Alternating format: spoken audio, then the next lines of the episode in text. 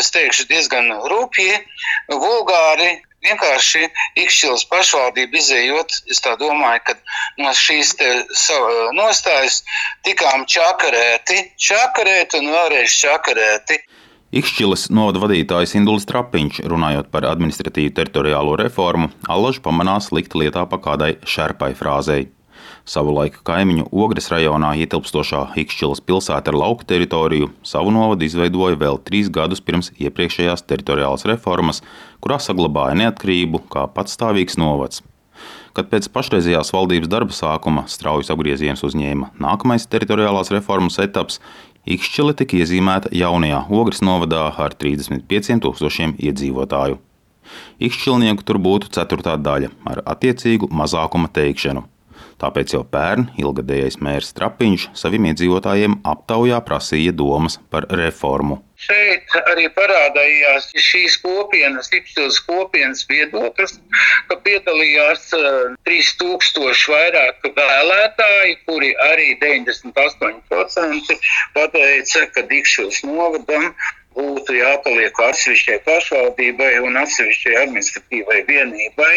Un šeit ir ļoti būtiski, ka satversmes tiesa izvērtējot šo ministrijas un ministru pulks rīcību atzina, ka ministrs rīkojies nelikumīgi, pretiesiski neievērojot satversmi.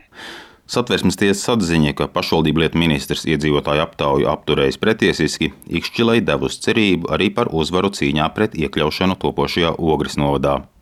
Taču, kamēr gaida satversmes tiesas spriedumu, Ikšķils novads jau tagad izjūtot Ogres pārlieku iejaukšanos tā darbībā.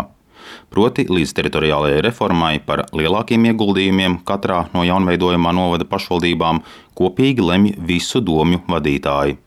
Jaunajā novadā Ogre būs līdere, un tai arī lielāka teikšana par ikšķiles tēriņiem tagad. Kad viens teiksim, pašvaldības vadītājs var lemt atbalstīt vai neatbalstīt noteiktu projektu. Tas ir pilnībā absurds un likuma brāķis.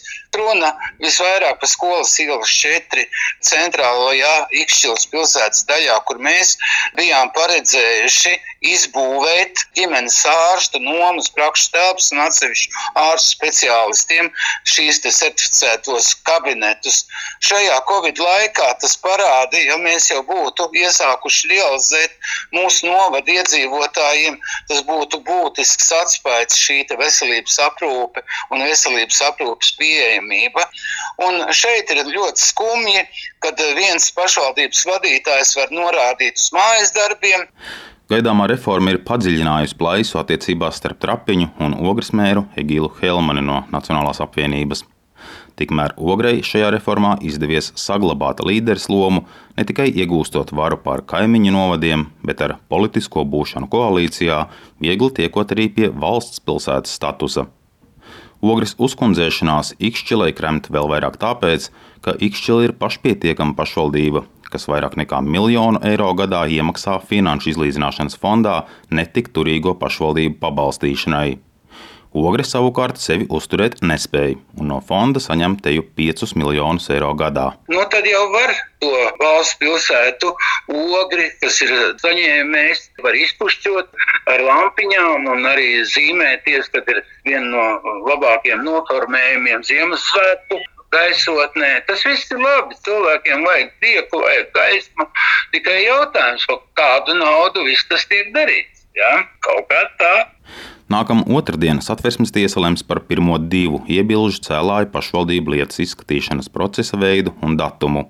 Šajā lietā Ikšķile iebilst pret iekļaušanu Ogres novadā, savukārt Limbaģa domē nepatīk, ka novadam atņemts Skultas pagasts, kas iekļauts Saulkrastu novadā. Edgars Kupčs, Latvijas radio.